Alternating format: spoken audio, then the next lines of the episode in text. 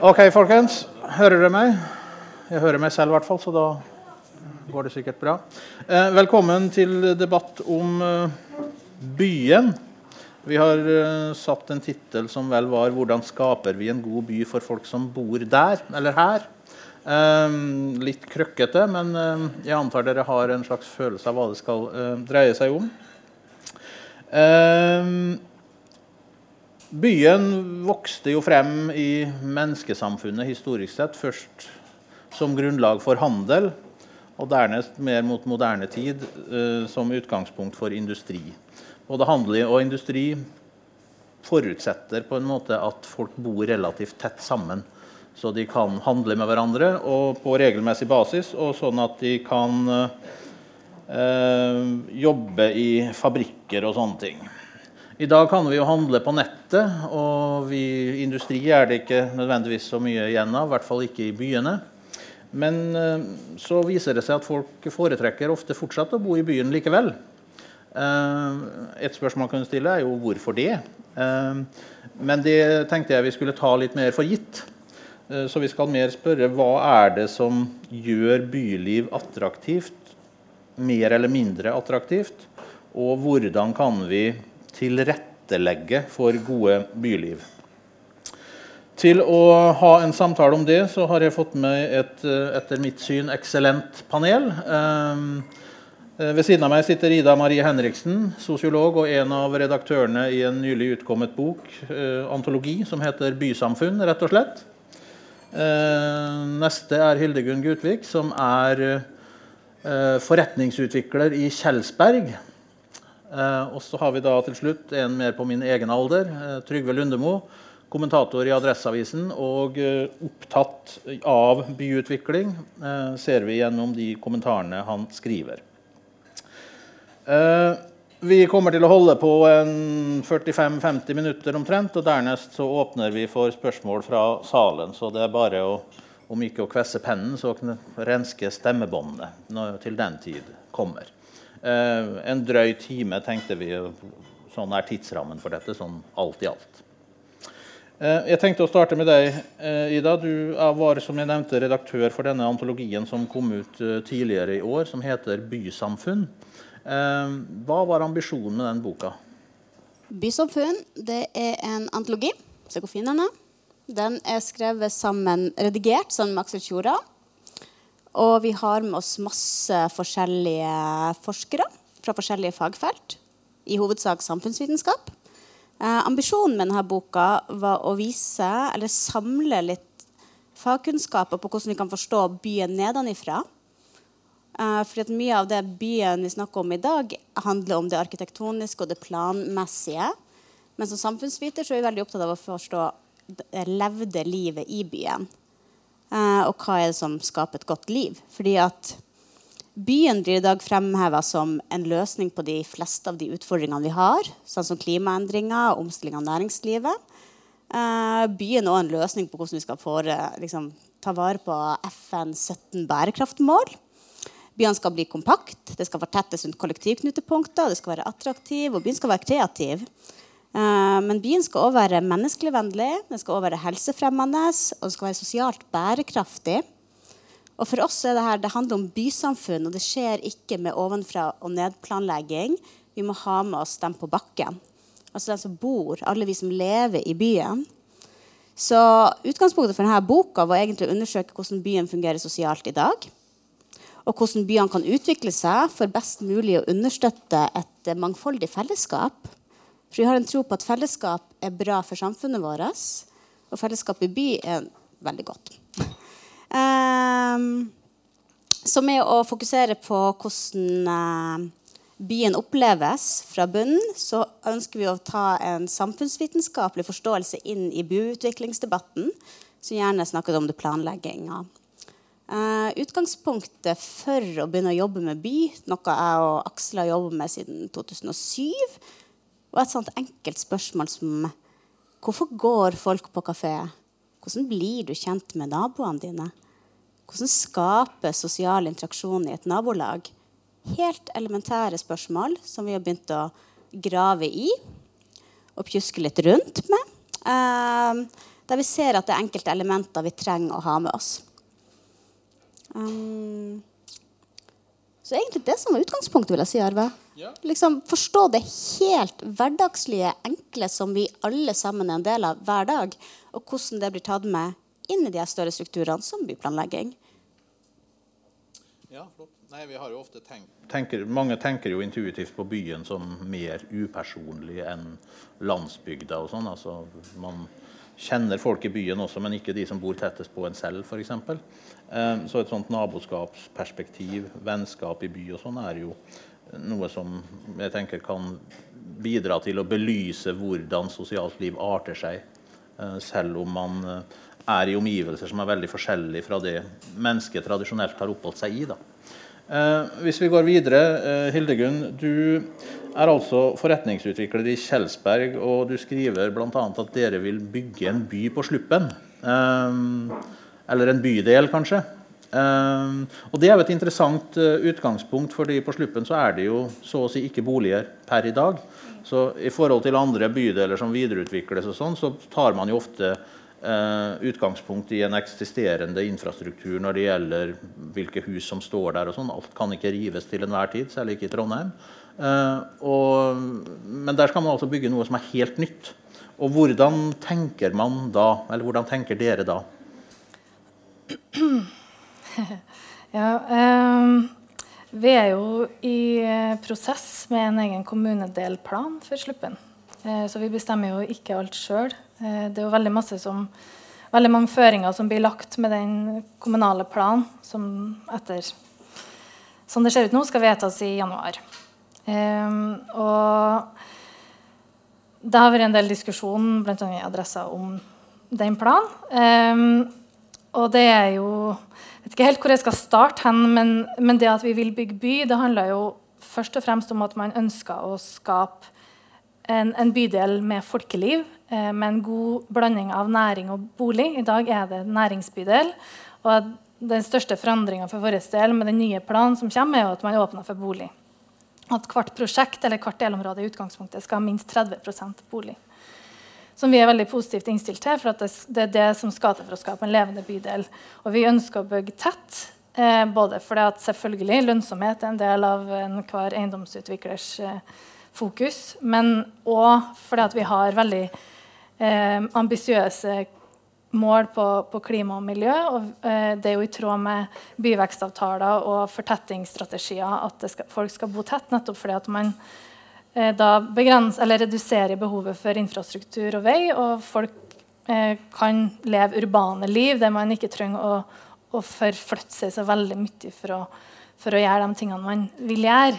Eh, og da er det jo ikke bare bolig og næring, men det er òg de her kulturelle og servicetilbud som, som eh, plasser å gå ut og spise, sånn som det her. Gå ut og ta seg en øl og være med på et spennende arrangement.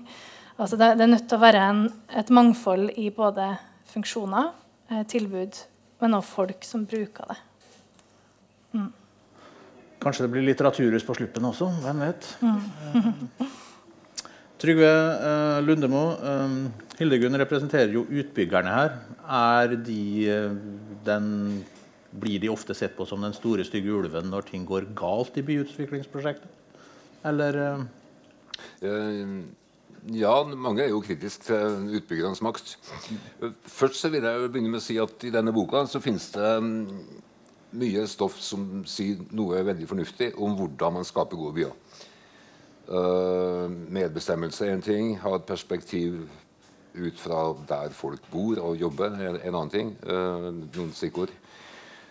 Uh, så er det jo slik at det går ikke alltid slik som det burde ha gått. Byene blir ikke så bra som teorien tilsier.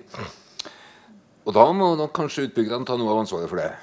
Um, i, i Trondheim nå, er det sånn at byen har vokst med 60 000 på 30 år. 60 000 nye, nei, ja, 60 000 nye innbyggere på 30 år, det er som to mellomstore norske byer. det. Bare de ti siste årene har byen vokst med 30 000. Uh, og Hvordan bygger vi da byen slik at den blir bra for de 30 000 og for alle oss som bor her fra før? Uh, politikerne innser at ja, vi må bygge. Utbyggerne sier her vil vi bygge Så sier politikerne ok, bygge vei. Det er nødvendig med flere, med flere boliger. Men så er det masse ting som skjer i det, i det, samspillet, og da er spørsmålet hvem er det som har størst makt? Altså Er det alle oss? Er det folket? Er det politikerne? Er det utbyggerne? Det er haugevis av ulike, ulike, ting som kommer inn, og som da av og til fører til at resultatet ikke blir sånn som, uh, som man skulle ønska. Nå tror jeg at uh, Kjelsberg på sluppen har, har, gode intensjoner, men, men ett problem som opptar meg litt, er jo øh, Det er jo enighet om at en god, ny bydel har en mangfoldig befolkning. Har f.eks. Øh, barnefamiliene økonomisk mulighet til å flytte inn i de nye, i de nye bydelene som, som, blir skapt. De har i hvert fall ikke hatt råd til å kjøpe leilighet. Barnefamilien har ikke hatt råd til å kjøpe leilighet på Rosenborg i noen særlig grad, og heller ikke på Nedre Elva. Så det er ganske mange utbyggingsprosjekt som fører til at det er godt voksne, velstående folk som bosetter seg sentrumsnært, mens barnefamiliene flytter ut. Fordi det er for dyrt å kjøpe stort nok sentrumsnært. Har, da er det fristende å spørre, da, har dere slutten, eh, i sluttplanene tenkt på det problemet? Ja.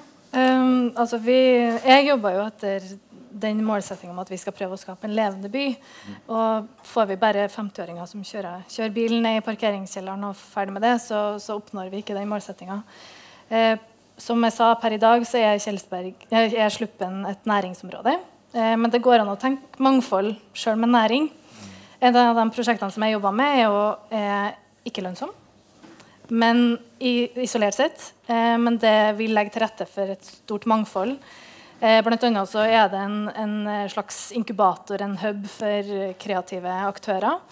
Eh, hvor vi leier ut kontorer non-profit. Som vi gjør nettopp fordi vi tror at det vil bidra med noen ting i, i området. Noen som som ikke bare er der åtte til fire og drar hjem, men som på en måte ønsker å være med og skape, være samskapere egentlig i lag med oss. Eh, og det tror jeg vi vil få gode effekter av. Eh, det er et prosjekt som er under etablering og som vil, vil realiseres i løpet av tidlig 2020.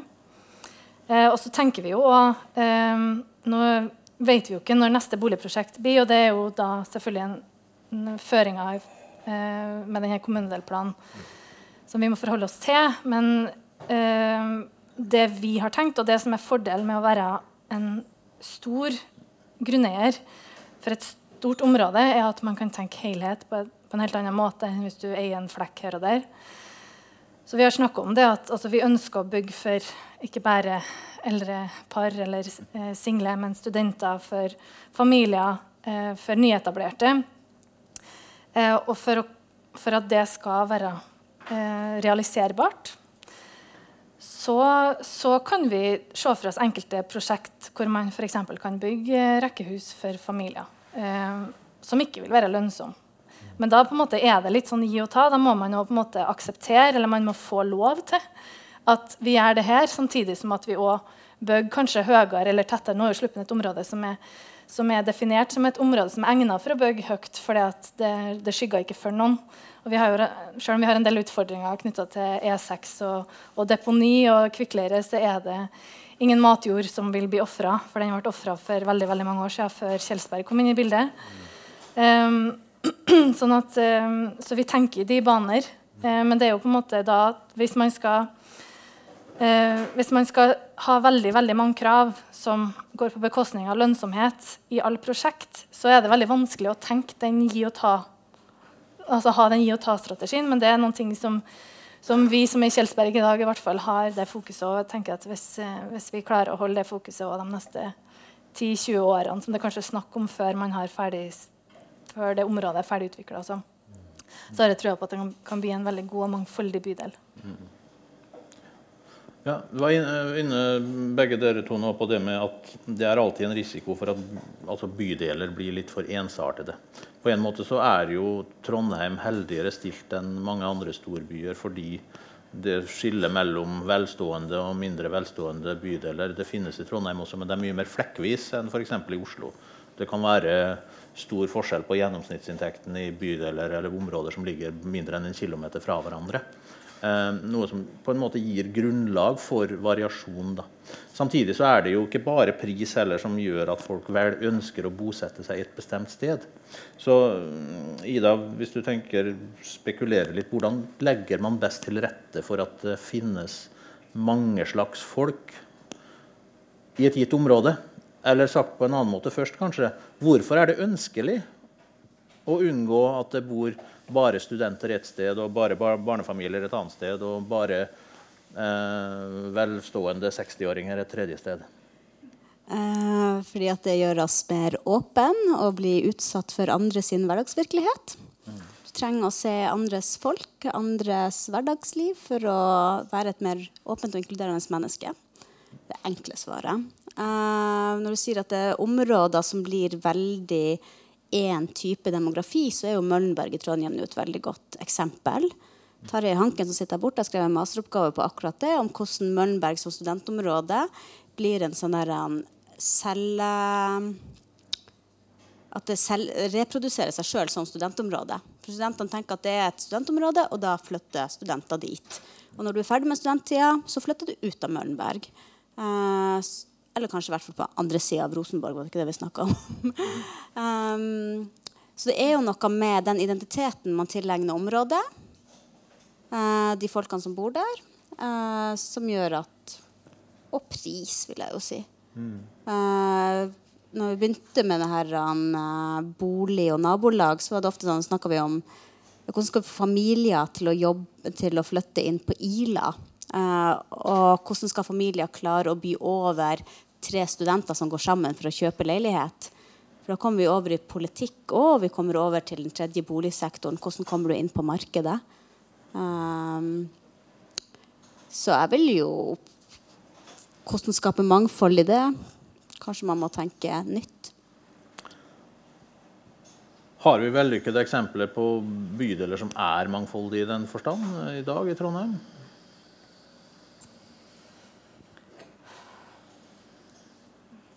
Det, det, det, ja, når du ikke fikk noe spontant svar på det, så betyr det at det er litt vanskelig å tenke seg en som oppfyller alle de her kriteriene mm. som vi stiller til, som i dag stiller til en, en vellykka bydel. Mm. Uh, Trondheim som helhet som du sa, jo, har jo en mangfoldig befolkning. Og, og vi har ikke øst, det øst-vest-skillet som f.eks. Oslo har. Så det er mye, mye, mye bra med Trondheim sånn sett. Men det er nok en opplagt tendens til at den nybygginga vi har hatt de siste 10-20-30 årene, eh, har skapt en del bydeler som er nokså nok ensarta i, i, mindre, i mindre uh, skala, i hvert fall.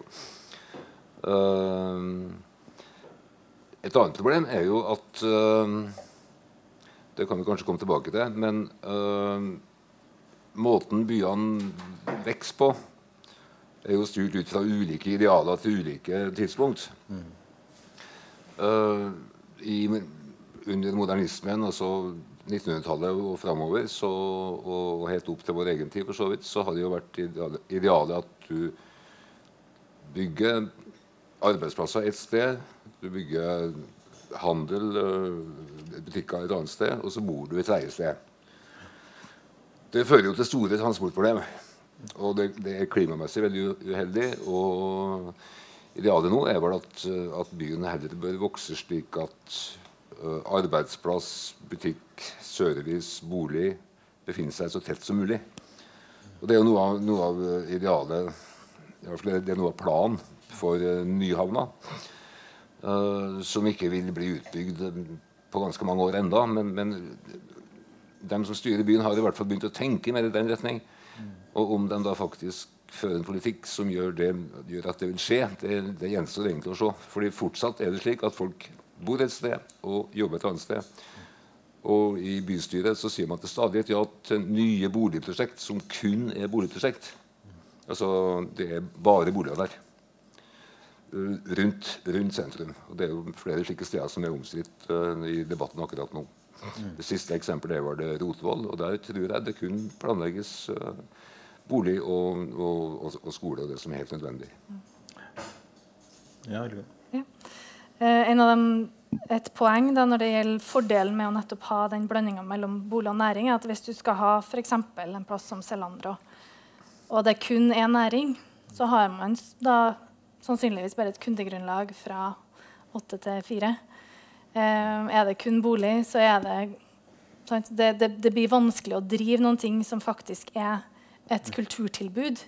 Så det er et poeng. Og, det, og vi, når vi ser for oss liksom, framtidssluppen, så tenker vi jo det at vi gjerne kan ha eh, prosjekter med næring i første andre etasje og så bolig på, på toppen. Mm. Og, og, en annen ting som, eh, som vi i Kjelsberg ønsker oss, er å bygge kvartalstruktur. Tette kvartaler.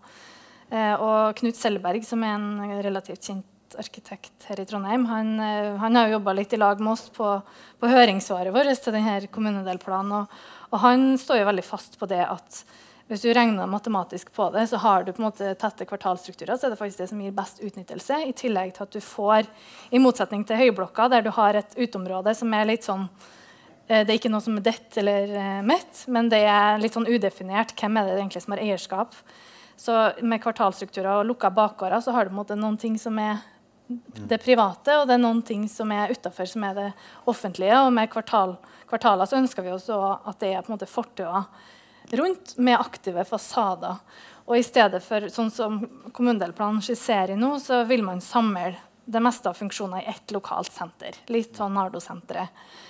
Um, og det ønska ikke vi oss, for da, da, da, får du jo ikke den funksjonsblandinga resten ute i bydelen. Så vi ønsker jo at i stedet for at du skal plassere alt av, av servicefunksjoner i et stort bygg, så, så, vil vi heller spre det utover. Ha gode gatenett for folk som kan gå litt her og der.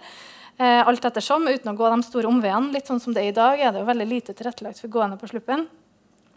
Men vi ønsker oss den vridninga og med de aktive fasadene så vil det oppleves urbant, sånn som det er når du går rundt i Midtbyen. Du kan velge om du vil gå altså det, det, er ikke sånn at du må gå Kongens gate for å komme deg fra A til B. Du kan gå, velge de gatene du vil, og det er ulike funksjoner alt ettersom. Og det skaper et mye mer eh, tror vi da, et attraktivt by, eh, byliv, hvor du treffer folk og de her tilfeldige møtene. Og det er mye mer lagt til rette for det. Mm. Ja. Eh, bare en kort kommentar til Nardo. Det er jo en hyggelig bydel. Men som du sier, altså der har du Nardo skole og så har du Nardo-senteret. Og så er det ganske vidstrakt bebyggelse langt i flere kilometer. Uh, sør, og, sør og østover. Utleiere osv. Hele det området uh, må da til Nardo-senteret for å gå på butikken. Og, og, det fører jo til at de aller fleste dessverre kjører bil. Og det kan de ikke gjøre i samme grad som før.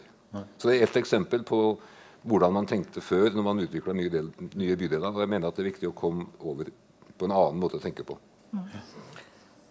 Ja. Et viktig poeng da, med de her kvartalstrukturene som vi ønsker oss, er at de oppfyller, det oppfyller jo ikke dagens krav ja. til ute, utomhusareal og, og øh, sollys. Eh, sånn at det er jo per definisjon ikke lov til å bygge det sjøl om hvis du ser på markeds... Altså hva er det folk vil ha? Hva er det som, hvor er de høyeste kvadratmeterprisene, eller hvor er det folk helst vil bo og trives, så er det mange områder i Trondheim og, og i Oslo der man på en måte ser at det som ikke oppfyller dagens krav, er det som gjerne folk syns er mest attraktivt. Mm. Og det er jo et tankekors at, uh, at vi har laga mange krav som, som, kanskje virker fornuftig isolert sett, men som når du tar det til sammen, så ender vi opp med å bygge veldig masse likt for å leve opp til de standardene som er satt i dag. Og det tror jeg um, jeg tror at det er og Hvis vi skal snakke litt om liksom hva folk ønsker seg, og involvering av folk flest, så tenker jeg at det perspektivet egentlig bør komme litt mer inn. og Man bør kanskje utfordre litt de, de kvalitetene. Ikke bare for at jeg som utbygger sitter og tenker at det lønner seg. Vi ønsker jo å skape en bydel som folk trives i. Eh, og jeg tenker at det er ingen motsetning i det. Det, det er heller gode, en, en, mulighet for å skape gode, eh, en vinn-vinn-situasjon, rett og slett. Ida, du nevnte her når vi snakket sammen eh, før vi begynte her, Lilleby som et eksempel på en, en relativt uh, ny bydel som du som har fått en ny form, i hvert fall, som du har sans for. Hva er det som er bra med den? Lilleby er et område Hvis man går inn i Lilleby, så er det tett. Men du føler at du kan gå inn der. Du føler du kan gå gjennom området. Du kan gå forbi Kredo, du kan gå videre oppover. Eh, det føles et område som er tilgjengelig, eh, kontra det som bygges når du sier litt usikker på hva du mener med kvartalvis. Veldig mye Nå bygger man fire blokker rundt, og så har du et atrium midt i veldig mange av de bygningene som blir bygd i dag. Mm. Uh, det har en kollega med gjort studier på, så ei som heter Ingeborg Grønning, jobber i Miljøpakken nå. Nå fant ut at de her områdene da, som er fellesområder, som er midt i, de føles som en omvendt panoptikum. Hvis du går ut i de områdene, så føler du deg overvåka. Så det å ikke ha en sånn type struktur eh, som lillebror har klart med å legge seg på sida, gjør at det både er offentlig tilgjengelig, og det blir et uteområde for ikke bare boligblokka, men hele nabolaget. Når hele nabolaget blir invitert inn, så får man muligheter til å møte de samme ungene som er, går i samme barnehage eller går på samme skole. Så jeg syns jo Lilleby, ja, det er tett. Men det er også sånn som du sier, eh, Hildegunn, at de er avgrensa. Her er privat, her er offentlig. Selv om det private er bitte lite, så har du de her veldig avgrensa, men òg de veldig offentlig inviterende sonene inn. Og så fikk jeg en sånn digresjon fordi at jeg har en onkel som bor på Frogner. Eh, og han byr på eh, Der kan man se på skyggesida og solsida. Så har du herskapsboligene på solsida, der bor finfolket, og så har du tjenerfolket som bor på skyggesida. Og han er jo superfornøyd med å bo på skyggesida fordi at han har en liten balkong som gir han sol av og til. og prisene på Frogner er høy. Men det, er jo, det her handler jo om høyere regulering og hva som settes lovmessig til. Men Lilleby godt område. Ja. Jeg er spent på, på Lilleby. Uh, det ser veldig tiltalende ut, og, og det er en, en og, det har mange kvaliteter, som du var inne på. Jeg lurer bare på Hva vil skje når det er ferdig utbygd og folk har flytta inn? Hvem flytter inn? Sjøl kjenner jeg flere velstående må nesten si, 60-åringer som er i ferd med å flytte dit. De har voksne barn. Barna har flytta hjemmefra. De eh, eldre flytter da til Lilleby fordi at der får de et, et veldig flott sted å bo. Men vil vi få samme type ensarta befolkning der som i andre mer kostbare nybygde bydeler? Det, det er jeg veldig spent på. Uh, Lilleby har jo En del av dem har jo sånn leie til eie. Del, der du får inn i hvert fall de nyeste som har en mulighet. Uh, som kan være med som en aktiv strategi på å få litt mer demografi i det. Uh, men selvfølgelig så er det jo den som har penger. Hvis ikke du har penger sjøl, så har du foreldre som er bemidla. Så du blir segregert, og det skal man være obs på. Det spørsmålet du sitter er om vi har noen bydel her som uh, er vellykka. Kanskje Lilleby vil bli det. da. Vi får se. Ja. Det vil vise seg. Og så kan det hende det er delte meninger når den står ferdig også, om den, hvor vellykket den er. Uh, nei, Det er jo et generelt problem, dette her. Altså, uh, eller en utfordring, er det det heter nå for tiden. Ikke problem, men utfordring heter det. Eh, at eh, hvis man bygger attraktive boliger, attraktive bydeler, så eh, blir det de mest velstående som har råd til å bo der, enten det er rike barnefamilier eller rike eldre. Mens det da også er noen som blir havnende på utsiden av denne byutviklingen. Så kanskje vi trenger flere uattraktive boliger? Ja. Boliger litt rufsete, litt uorden. Nå tok jeg bare den, og kuppa ja, den, ja, fordi ja. det er en ting eh, Sverre Bjerkseth skriver om det. Eh, smalgangen på Grønland i Oslo, det mest urbane vi har i Oslo. Det er rotete, det er ikke polert. Det er alt mulig av folk. Det er liv. Det er byliv. Ja, eh, vi trenger sikkert flere uattraktive i områder der folk har råd til å bo, helst sentralt. Problemet da igjen som oppstår, er jo det her, det her begrepet gentrifisering. Mm. Fordi Der hvor det er uattraktivt i anførsel, og billig, der flytter jo de unge, kule, fattige inn. kunstnerne, Og da blir bydelen så kul at da vil de velstående også dit. Ja. Og da går prisene opp, og da må de unge, kule, kreative, fattige flytte et annet sted. Ja.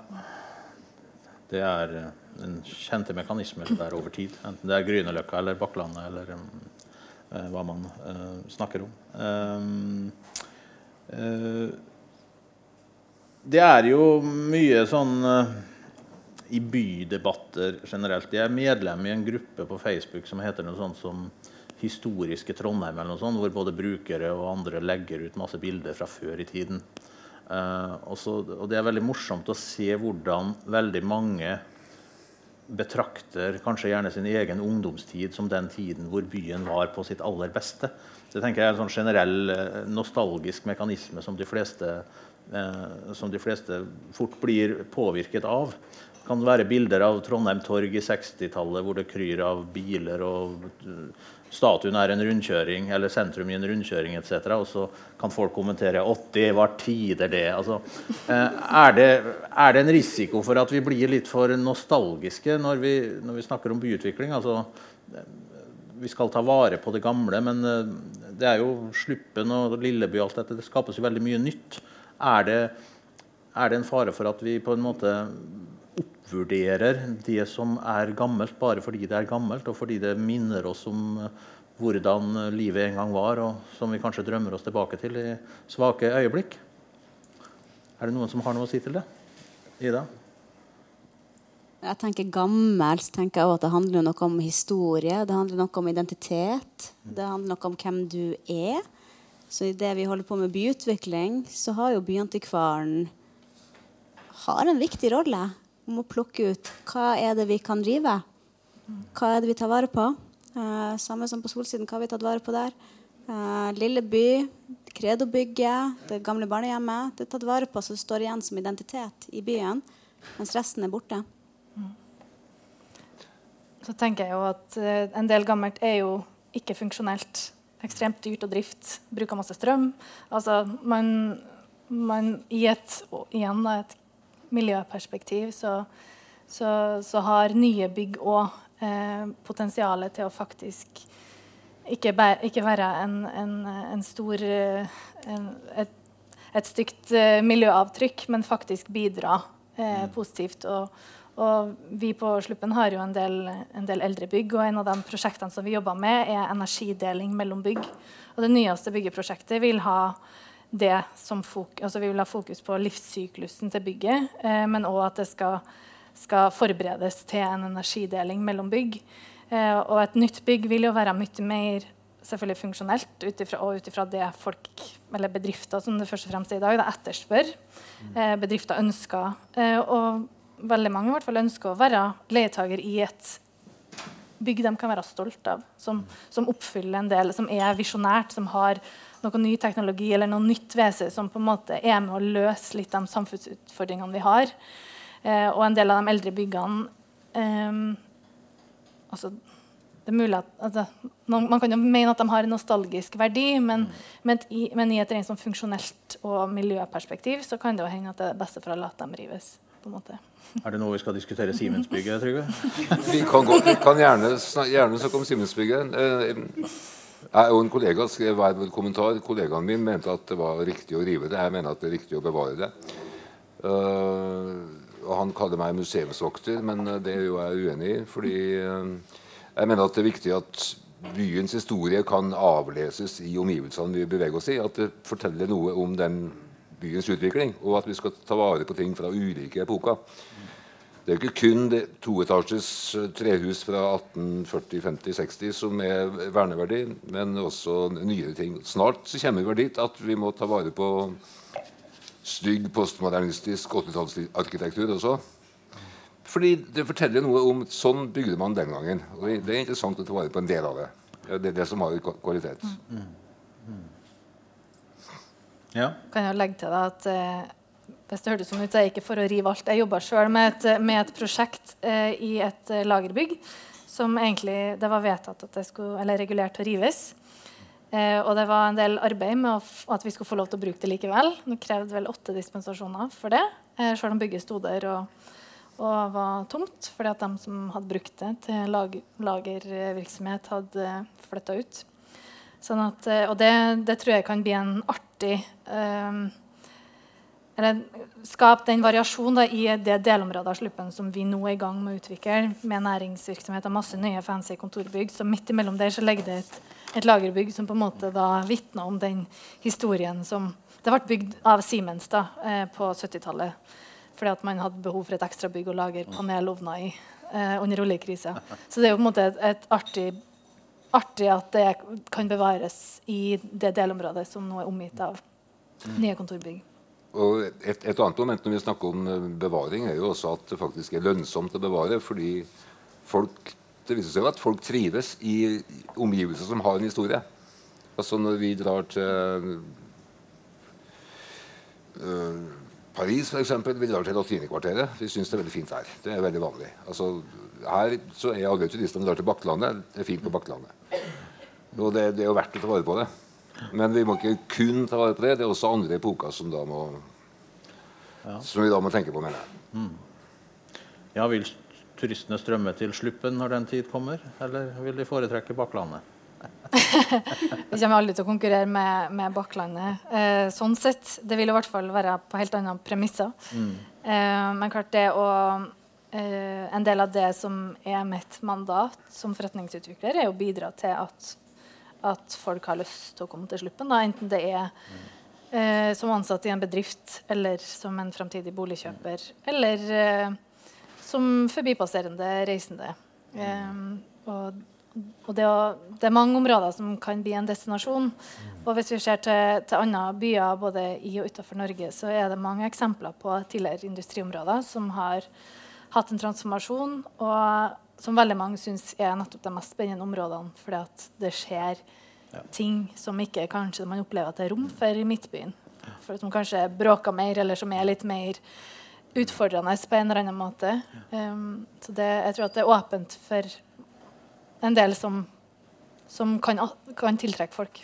Mm. på sluppen. Mm. Vi ser det jo det også i, i Berlin. er det mange eksempler på akkurat det der. Altså Gamle, gamle nedslitte områder i Øst-Berlin er jo noe av de kuleste områdene, områdene, i byen. Og ikke fordi at det er revet og bygge nytt, det er til en viss grad gjort det òg. Men de områdene som er mest populære og som trekker mest folk, er jo der hvor sporet av fortida er lett å avlese. I ditt perspektiv Ida, så ligger det jo veldig mye at man må forstå byer nedenfra. så å si. Og en ting er å forstå dem nedenfra, men en annen ting er å utvikle byer nedenfra. Uh, om du skjønner hva jeg mener. Altså, det er uh, Kan man planlegge ovenfra at folk nedenfra skal få større innflytelse på f.eks. hvordan en by utvikler seg? Ja, jeg tror uh, det er jo mye snakk om reell medvirkning. Mm. og det er snakk om Trondheim kommune har vært veldig god på det eh, i det siste. De har sett at det å sende ut ting på høring, reguleringsplan på høring, det er, det er dem som snakker samme språket, som svarer på den type eh, høringer, for å si det sånn. Um, så de har starta med gjestebud og mange andre typer medvirkningsprosesser for å få med seg hva folk i de aktuelle områdene tenker om det vi foreslår. Og det vil jeg si er en sånn type nedenifra og opp. Hva er problemet, eller hva er ønsket, eller hva ønsker de som bor her i Sluppen Nardområdet, å ta vare på? Mm. Det vil si at det er det å skape byen nedenifra. Uh, og så tenker jeg òg at nå uh, var jeg på sånn uh, på Lade på sånn bydelsmøte. Og det var det, Jeg husker ikke hvordan politikeren sa det. som sa at de her bydelsmøtene er stadig vekk invitert på så betyr det jo at folk er engasjert i byutvikling. De er interessert i nærområdet sitt. Og det å aktivt lytte Hva er det folk egentlig ønsker her? For det er ikke bare den konservative vi skal ikke bygge noe, men den der Kan vi istedenfor bygge seks, bygge tre, sånn at, tre etasjer, sånn at det går i ett med resten, her, sånn at vi kan se fra den ene herregården til den andre? Som er egentlig et veldig OK perspektiv. Eh, og det er sånne ting som man må løfte opp. Og være der folk er. Så det tenker jeg, Når du tenker bygg byen nedenfra. hva er det vi som bor i byen, ønsker? Hva ønsker vi å formidle til dem som skal bygge ut? Det, der er det fristende å nevne et eksempel på at nabolaget faktisk kan ha litt makt.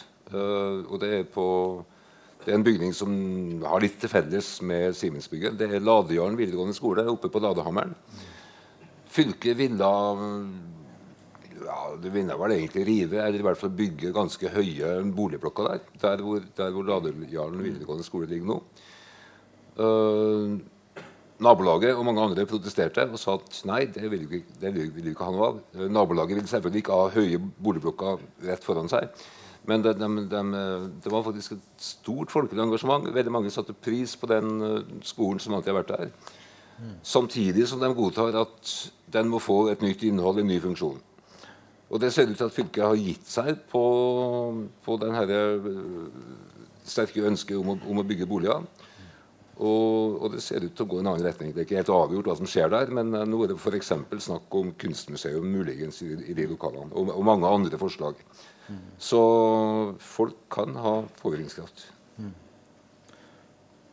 Samtidig så er det jo Det kan jo være altså I f.eks. Trondheim sentrum eller nær et bydelssenter, enten det er på Sluppen i fremtiden eller på Nardo nå, så er det jo sånn at altså funksjonen til et sånt sentrum kan være, fremstå ulik, eller folk prioriterer ulikt, avhengig av om de bor der, eller om de bruker sentrum til handel og kultur. og sånn.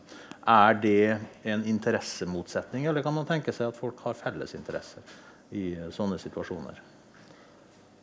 Altså Det kan jo være at de som bor i sentrum, egentlig ønsker seg færre sentrumsfunksjoner fordi det blir litt mye bråk av det, f.eks. Ja, det, det, er et interessant spørsmål. Uh, jeg tror at Midtbyen i Trondheim er mer relativt fredelig. da. Så jeg tror kanskje at Litt for fredelig, kanskje? ja, Den har kanskje vært det. Uh, alle ønsker mer aktivitet i Midtbyen. Det er jo et politisk slagord. Mm. Uh, men jeg tror, i Trondheim i hvert fall, så, så, tror jeg nok at dem som bor her, det er vel ca. 4500 fastboende som er registrert bo, bosatt i Midtbyen nå innenfor Elveslynga. Så bor det vel en del studenter her i tillegg, så det er kanskje 6000 eller noe sånt. Mm. Uh, men når folk har valgt å bosette seg så sentralt, så tror jeg nok at de uh, gjerne vil ha litt liv og aktivitet også. Mm. Jeg vet ikke om det er svar på spørsmålet. Liksom, hva er det Jeg bor på Lade, og hva er det liksom Hvis vi ser bort fra Lade City, det, da det Lade Arena. Arena? Nei. Uh, Lade Jo, det er Rema 1000. Den nye heter Hangaren. som er Hangaren. På andre sida. Ladetorget, som jeg definerer, eller kommunen har definert som Lade sitt sentrum. Så tenker jeg, ok, Den har det som trenger. Du har en plass å spise god mat. Du har uh, burgerplass, og der ser jeg kidsa henger på lørdagskveld. Så det er et samlingsplass. De har en benk der du kan sitte på uavhengig om du er på butikken eller ikke. Du kan sitte og slappe av, du kan slå av en prat. Uh, og du har apotek, og du har matbutikk og du har blomsterbutikk. Det eneste det mangler, er et pol. Så hvis man har de funksjonene, så er det det som man trenger i et hverdagsliv. Uh, og det vet jeg de snakker om. Uh, hvor skal de, Du sier at Nardo-senteret skal bli der han pulserende hjerte på Nardo. Kanskje skal de her funksjonene være lagt en annen plass, nærmere Sluppen-området. Mm. Men at man har de funksjonene, gjør at folk slipper å reise så mye ut og bruke bil så mye. Uten at det var svar på spørsmålet. Hvis man altså har pol? Jeg er veldig for polapotek. mm. altså, i en, uh, I en mangfoldig by så vil det jo være en haug med ulike interesser. Og jeg tenker at per definisjon så blir jo det å bo i, i en by eh, å bo i et kompromiss. på en måte, og jeg tenker at Det finnes ikke en ideell bydel som alle kan trives i. Jeg tenker at En god by har nettopp de her lungene da, som alle kan trives i, alt etter hvilken bakgrunn man har, hvilke verdier man har, hvilken eh, altså, livsfase man er i. Um, sånn at det vil, det vil, jo alltid være konflikter. Og, og, det er det som er spennende. og jeg tenker det her med innbyggerperspektivet nedenfra og opp. Jeg tenker at Den store verdien i det er jo at man, man får, får, den stemmen lagt på bordet da, før beslutningene tas. For erfaringa er jo at ofte så er prosjektet kommet så langt eh, til realisering eh, før folk i det hele tatt forstår hva som skal skje. Og da har man ikke noen reell medvirkning. Eh, sånn at det å, å, få det opp på bordet så tenker jeg at det vil jo, fortsatt, det vil jo ikke skje at folk, folk, skal bestemme sånn direkte. Det vil jo være jeg tenker at det å få det opp på beslutningsmyndighetene sitt bord, som da på en måte Politikerne sin oppgave er jo å eh, se på ulike interesser. og jeg tenker at Selv om folk kanskje ikke liker at det bygges tett og høyt i deres nabolag, så på en måte har Trondheim som by et ansvar for å sørge for nok boliger. Både pga. at vi ikke kan vokse så mye utover for at det vil ikke være bra for miljøet. Men, men, men bygger vi ikke nok boliger og vi får boligmangel, så går boligprisene opp i været. Og da har vi i hvert fall ikke en mangfoldig, inkluderende by. sånn at det å få flere stemmer mm inn i byutviklinga, det er i hvert fall noen ting som jeg personlig har prøvd å dratt veldig inn på dagsorden i Kjelsberg nå rundt utviklinga på Sluppen. Og som jeg det, Vi har jo flere engasjement på en måte i Trondheim som setter innbyggerinvolvering og medvirkning i fokus. Ja. Eh, blant annet så er det et smartbyprosjekt som heter City Exchange, der Sluppen er et testområde. Eh, og Elgseter og Brattøra.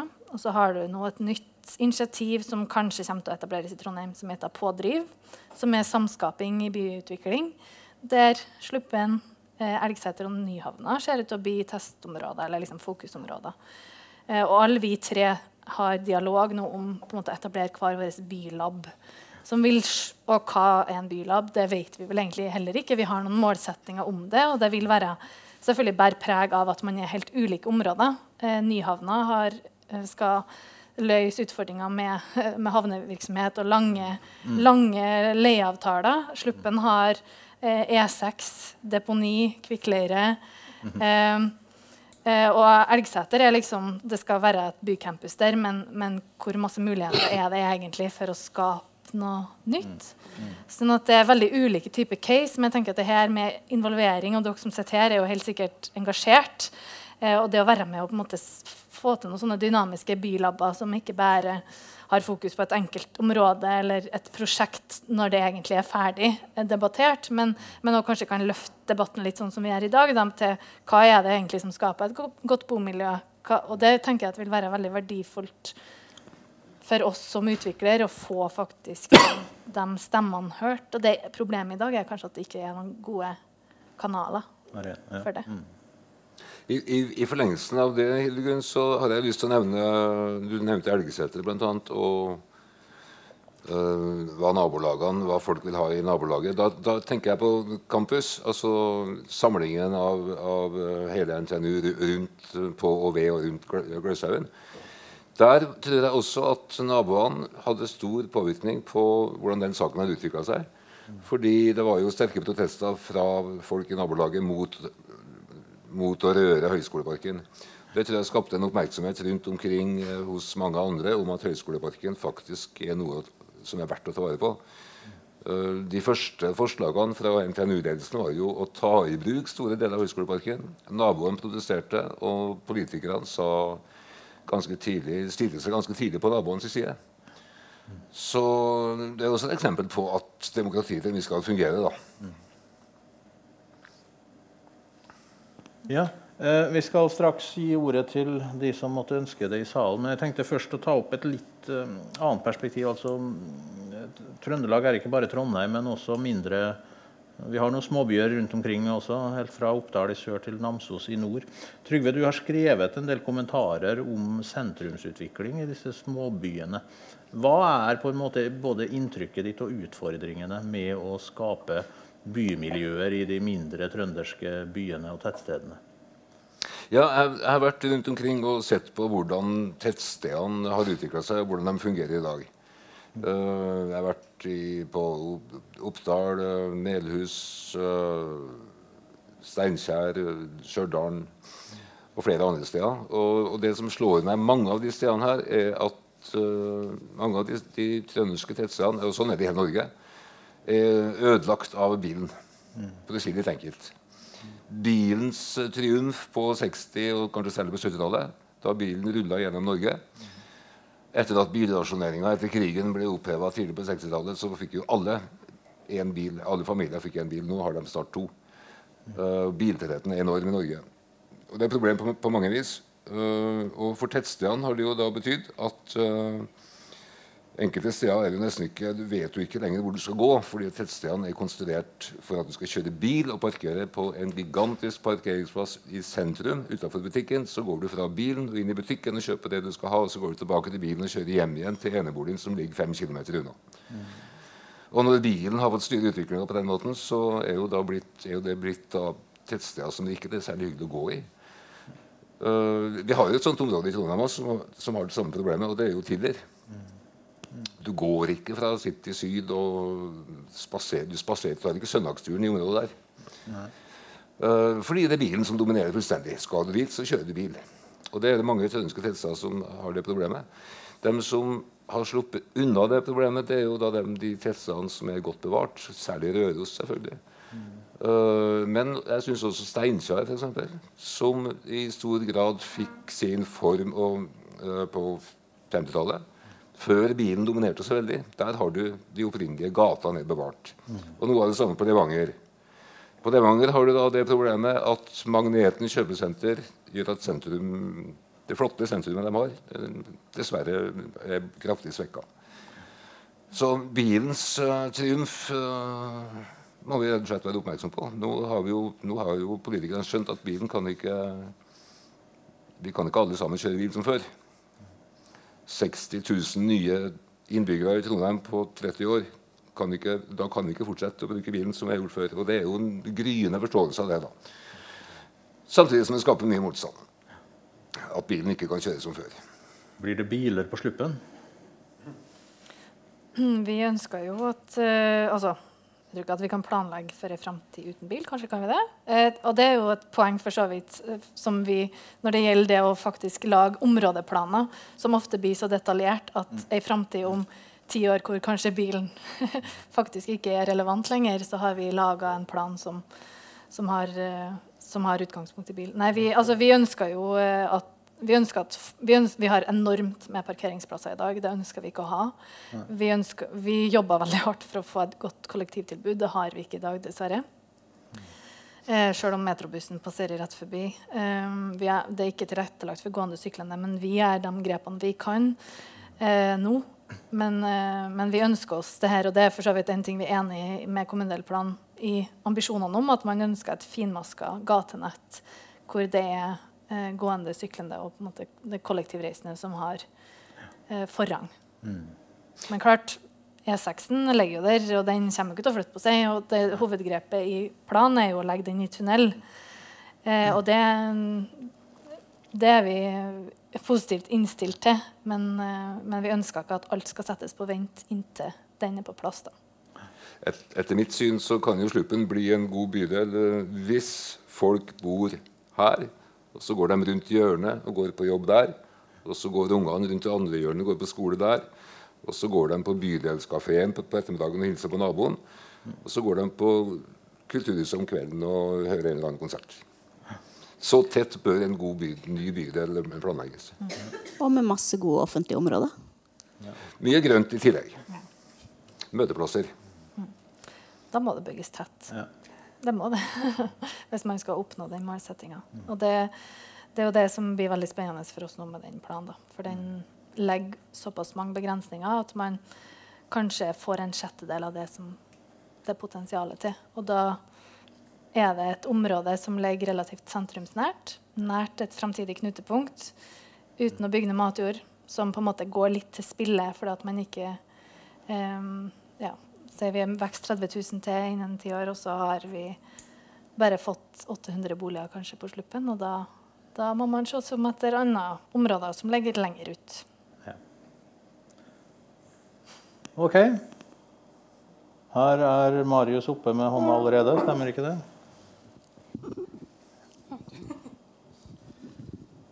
Ja. Eh, jeg har vanskelig for å la være, vet du, Arvid. Eh, jeg vil tettere enn det du skisserer, Trygve. Jeg vil enda tettere enda enn det uh, du skisserer. Og eh, litt i forhold til f.eks. For uh, Nyhavna. Diskusjonen der. Altså det er en av de få eksisterende sentrumsnære industriområdene som én representerer en kulturarv. Altså industri er kultur. Men en hverdagsarv. Og kanskje en litt usaklig eh, sammenligning, men mine foreldre er besteforeldre nå. Og når de har besøk av sine barnebarn, så leker de hele tida. De blir helt utslitt av å ha barnebarna på besøk, for det er bare lek og trampoline. De er jo snart 70, eh, de to der, og har ingen tid eller prioritering av å inkludere barnebarna i sitt, sin hverdag og sitt voksenliv. Det å være i en by handler ikke om opplevelse. Det handler ikke om utdanning, det handler ikke om kultur, det handler ikke om handel. Det handler om alt det der.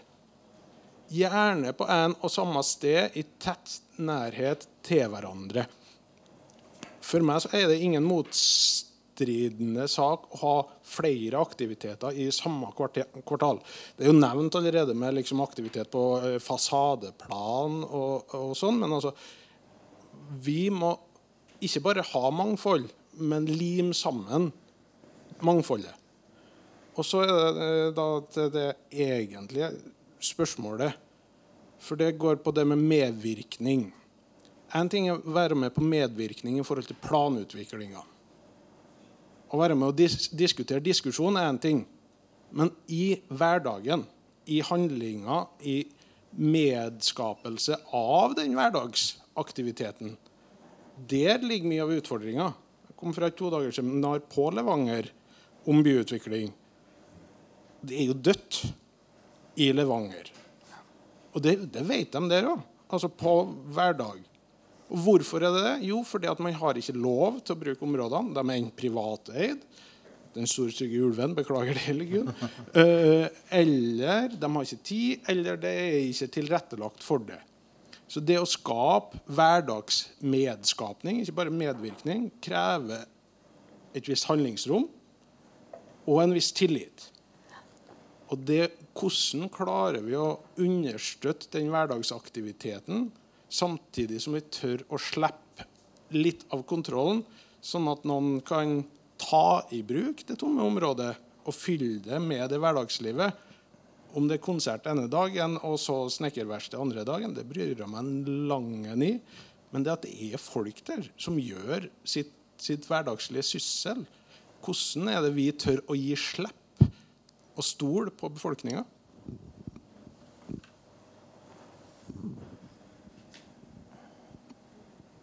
Ja, jeg kan si litt. Altså, det er jo et kapittel i boka som egentlig setter ord på det med stramme og elastiske byrom. Altså at eh, veldig, når, når, områder skal planlegges, så er det veldig definert hva det skal brukes til. Eh, som da ikke åpner opp for det kaoset og den flerbruken og den spontaniteten som jeg tror at du egentlig etterspør. Um, og jeg kan ikke snakke for alle, men ut fra min jobb og prosjekt, et av de prosjektene jeg konkret jobber med, er et flerbrukshus, hvor vi på en måte har hatt det med flerbruk og ulike generasjoner, målgrupper, størrelse på, på pengebok osv. i hodet når vi har planlagt hvordan kan dette brukes til ulike tidspunkt. Og nesten akkurat sånn som du sa det, En dag er det konsert, og neste dag er det snekkerverksted. Det er liksom egentlig det vi prøver på med det ene prosjektet som jeg jobber med nå. Eh, så det kan jo være spennende å se. Det vil jo selvfølgelig være definert i den forstand at det er innenfor noen fire vegger. og det, det, er ikke sånn at det vil være åpent eh, døgnet rundt for hvem som helst, men det, i prinsippet så skal det være et åpent hus. Eh, og så kan man jo åpne opp for det på uteområder, men klart at eh, det er nok en, det, det utfordrer utfordrer jo den kontrollen som man gjerne ønsker å ha, da. men som kanskje man eh, kanskje, man kan være litt mer løssluppen på det nettopp på f.eks. Sluppen, da, som, der det er en del områder som, som, eh, som, ikke Det bor ikke tett på med folk som vil bli plaga av en eller annen type aktivitet, eller skremt eller forstyrra, eller hva det nå enn skal være. sånn at eh, jeg er veldig for det kaoset. men jeg tror at det er viktig å ha med seg det perspektivet at man nettopp planlegger litt for de, de rommene der det kan komme inn kaos, og mm. tørre å se hva som skjer. Ja, ja og tørre å sette av kvadratmeterpris på kaos. At du har kaoskvadratmeter. Men jeg vet ikke hvordan man skal klare å legge det i en prosjektering. Jeg vet ikke hvor mange prosjekter har sagt dere må ha med et eller annet fellesrom. Så dere lager så masse små leiligheter. Hvor skal de ha konfirmasjon? Hvor skal de ha bursdager? Uten å måtte outsource til Leos lekeland osv. For det handler om sosiale i byen. Um, og da er den der Ja, men de kvadratene kan vi jo selge som en leilighet til tre millioner. Nei, tilbake til de her små fellesområdene prøve å få en sosial pris på det. Jeg vet ikke hvordan vi skal Men Sluppen har mulighet, sier du jo. Men de her små flekkvise, som blir veldig mye dårlige boligområder, sånn som langs uh, Lade allé, hvor har de mulighet til å møtes? Mm. vi er jo gjennomorganisert i samfunnet vårt. Altså, det er jo nesten ikke frileik. Eller, altså, det er jo aktiviteter som er organisert osv. Så, så jeg tenker at det er kanskje et tegn i tiden. Bare si en ting. Jeg er jo enig i alt du sier, og jeg er også enig i det dere sier. at uh, altså, Gode nabolag utvikler seg nokså spontant, og det skjer ting av seg sjøl fordi at folk syns det er ok å være der. Uh, men så er det jo noen da som, som til sjuende og sist skal vedta at dette kan skje, og det er jo politikerne. Så jeg vil jo bare nevne at det ligger et ansvar der. Uh, og jeg tror kanskje at jeg begynner å tenke litt andre vaner enn de har gjort de siste tiårene, men, uh, men det fortsatt er et stykke mellom uh, det de sier i festtalene, og det de faktisk vedtar i, i bystyret. Hei, Hilde Skare heter jeg, leder på Løkkan frivilligsentral og har blitt iling i løpet av 25 år i Ila. Og dere etterlyste en mangfoldig bydel med suksess. Eh, jeg vil si at Ila er det. Mange av oss som har bodd her en stund, opplever det sånn, og det er mange faktorer eh, bak. Det, jeg, jeg sitter her og tenker hva kan jeg ramse opp? Vi har ført en kamp. Ilsvikøra skulle rives. Skiten skulle rives på 70-tallet. Blei berga.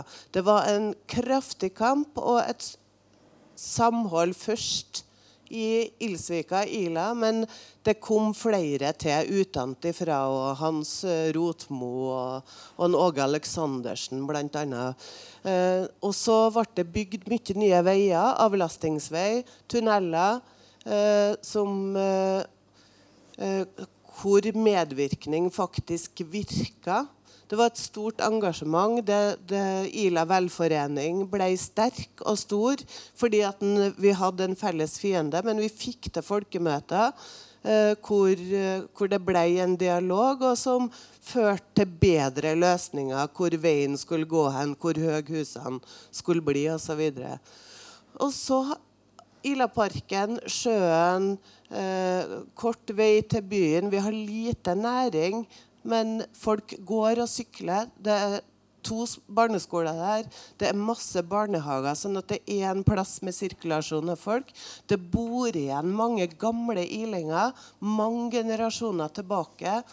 Ungene deres og barnebarna og oldebarna pusser opp gamle hus. Og det er en mangfoldig befolkning hvor rikfolk bodde på ene sida, fattigfolket på den andre sida, og så nå alle nye de nye nede på Ilsvikøra, hvor Ja, Ilsvika, unnskyld. Eh, og I gammelt av så sa han i Ila der bor løse fugler og skikkelige folk side om side. Og sånn er det nå òg. Eh, det tar tid i nybebyggelsen.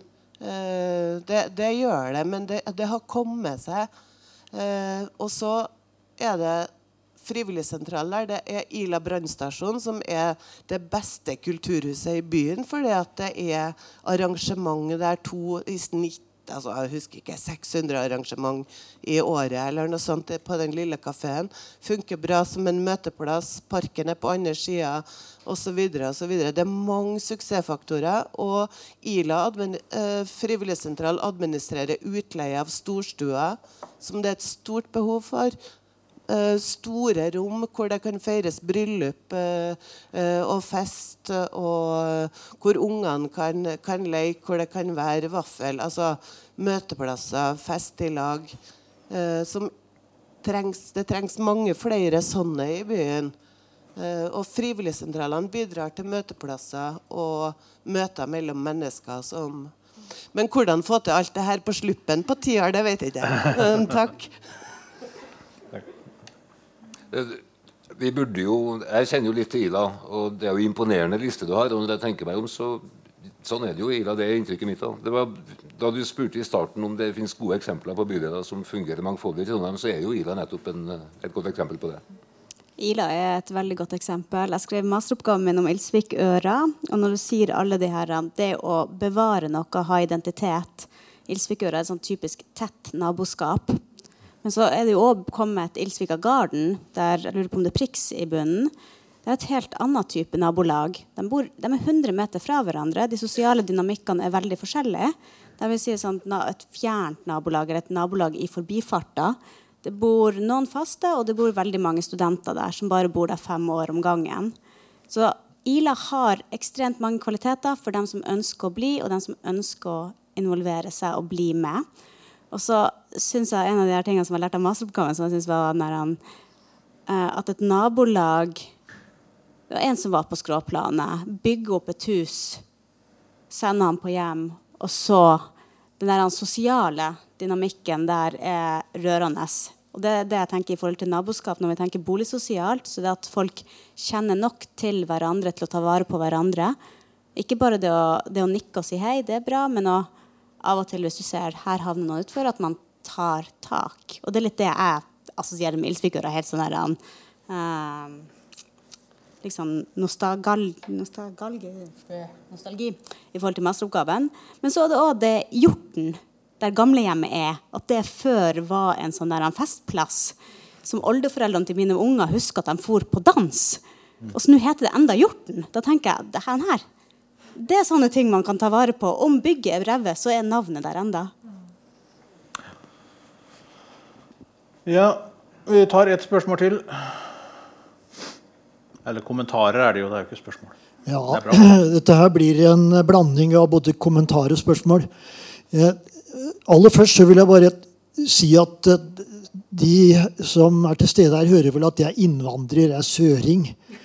Og jeg må bare si at jeg setter veldig pris på Trondheim. Bodd her mye lenger enn det jeg har planlagt. Så det er liksom mitt utgangspunkt. Trondheim er en veldig passelig by, osv. osv. Det, det står fast.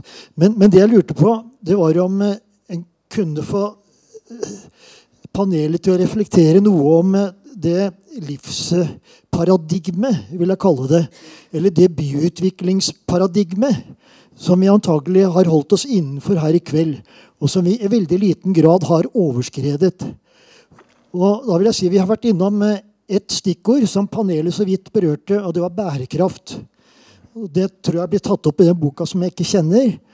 Men om vi går litt nærmere inn på bærekraftbegrepet, så vil jeg bare si det at eh, ålreit, Kjelsberg skal bygge ut på Sluppen. Da er vi avhengig av den økonomiske bærekraften.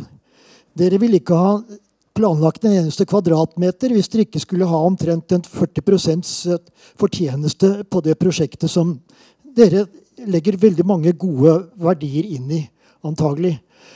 Og det dere har snakket om her i kveld, med å se byen sånn i, i menneskehøyde og nedenifra og medvirkning Alt dette her er veldig fine verdier. Og, og, attraktivitet og trivsel det er vi avhengig av. Men alt det der går innenfor det antroposene paradigmet. Da er mitt spørsmål egentlig om vi kan fortsette å tenke innenfor det.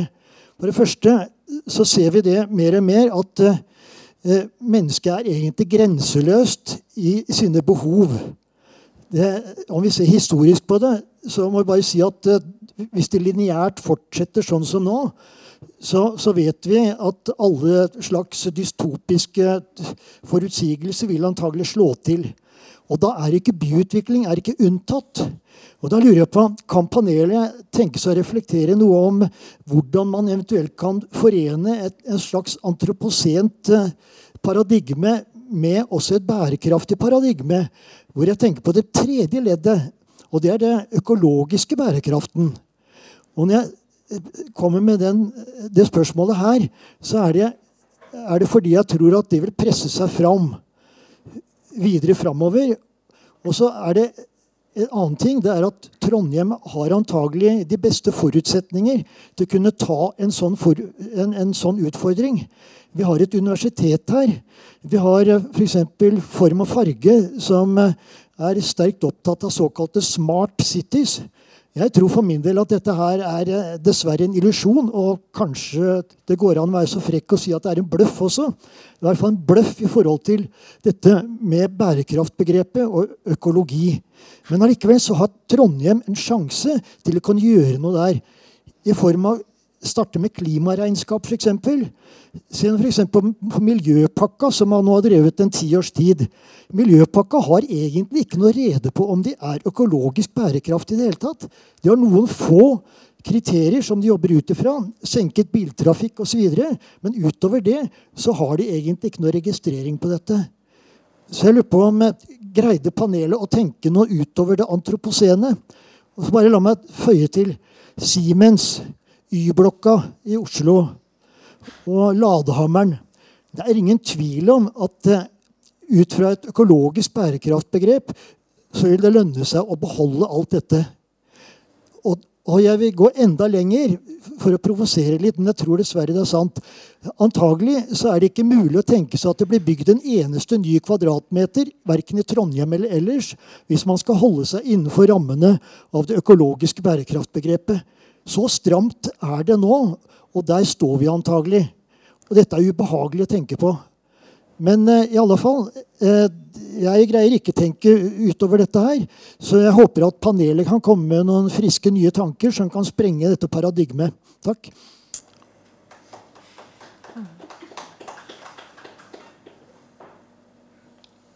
Ja. Ja, skal jeg starte? Ja. Um, den første tanken ja, vi må uh, gjøre om livsstilen vår vil jeg tenke på. Um, I et sånt byperspektiv så vil jeg si at NTNU kunne vært fremragende og fremoverlent der og tenkt campus på en helt annen måte enn det som er gjort. Men det skal bygges nytt. Pokker som. Vi har masse tomme lokaler i Midtbyen. Vi har masse tomme lokaler på Sluppen. Vi, det, hvis du skal ta bærekraftperspektivet helt ut gjenbruk, gjenbruk, gjenbruk. Um, det er det første poenget mitt. Hva det andre poenget var? Um, delingsfunksjoner. Hvis vi skal bygge by, så må vi tenke på at vi skal dele mer. Vi må tenke på hva er det vi bruker, hvordan uh, Sykkelgang er bra, men hvis det betyr at vi da kjøper fire sykler kontra én, så er det ikke bra. Uh, så du må ha det forbrukerperspektivet hele tida.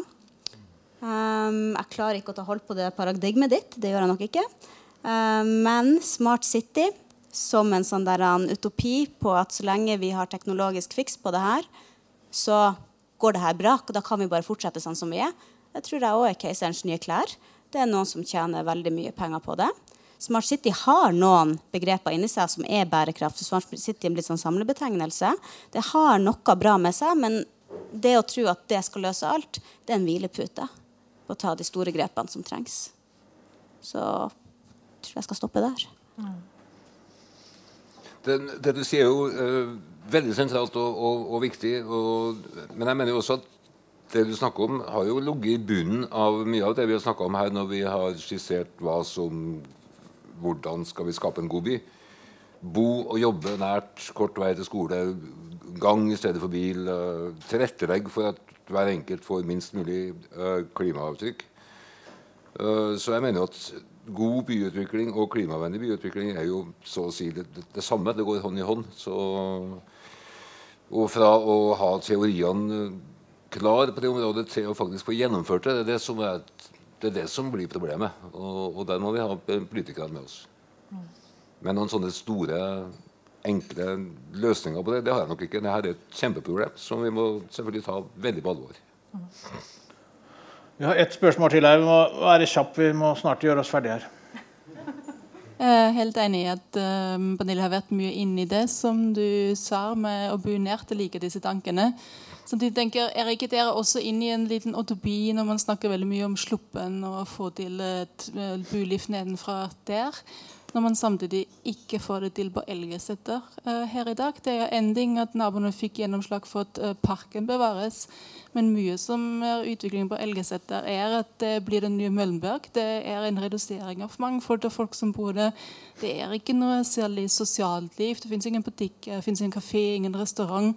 Så hvordan kunne man f.eks. da store aktører som NTNU St. Olaf til ansvar for at ansatte, de mange tusen ansatte som, på, som jobber der, faktisk ville bosette seg i det området?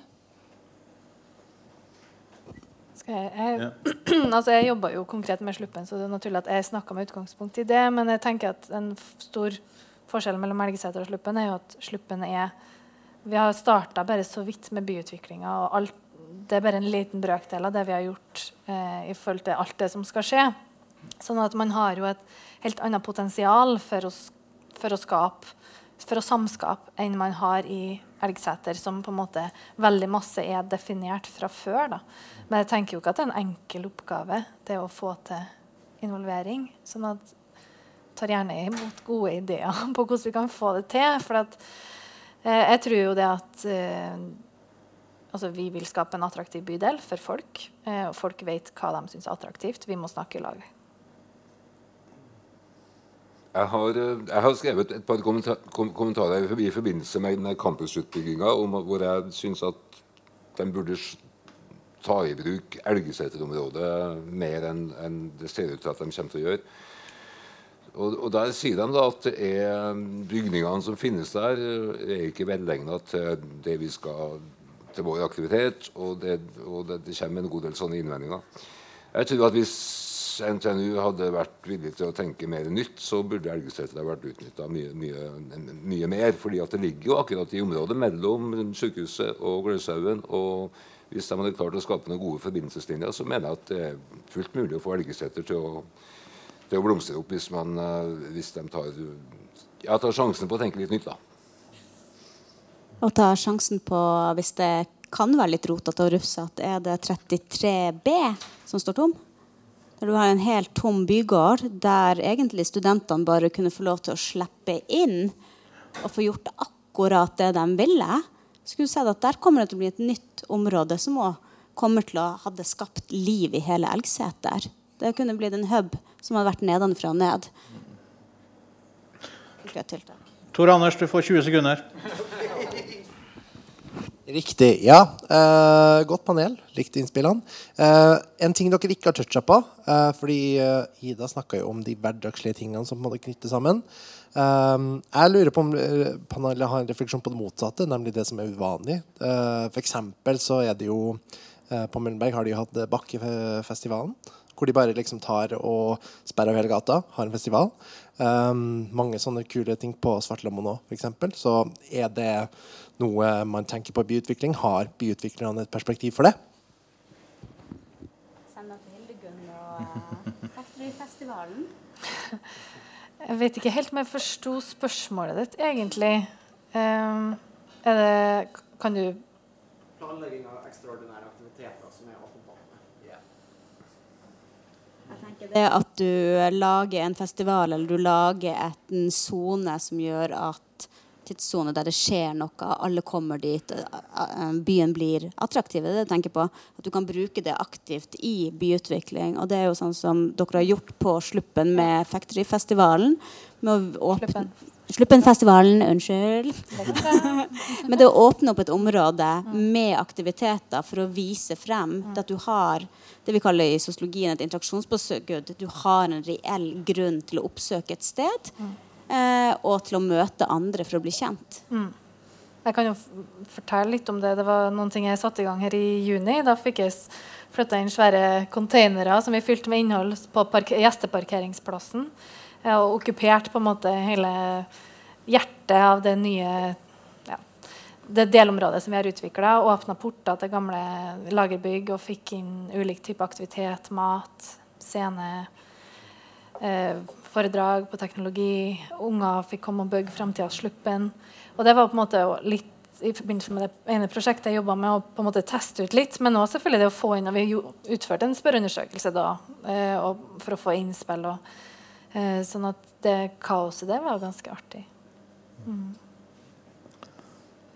Ja, da tror jeg vi har eh, sittet her lenge nok. Eh, takk til panelet. Takk til dere som hørte på. Takk for gode spørsmål og kommentarer. Og så gir vi oss selv en applaus, alle sammen.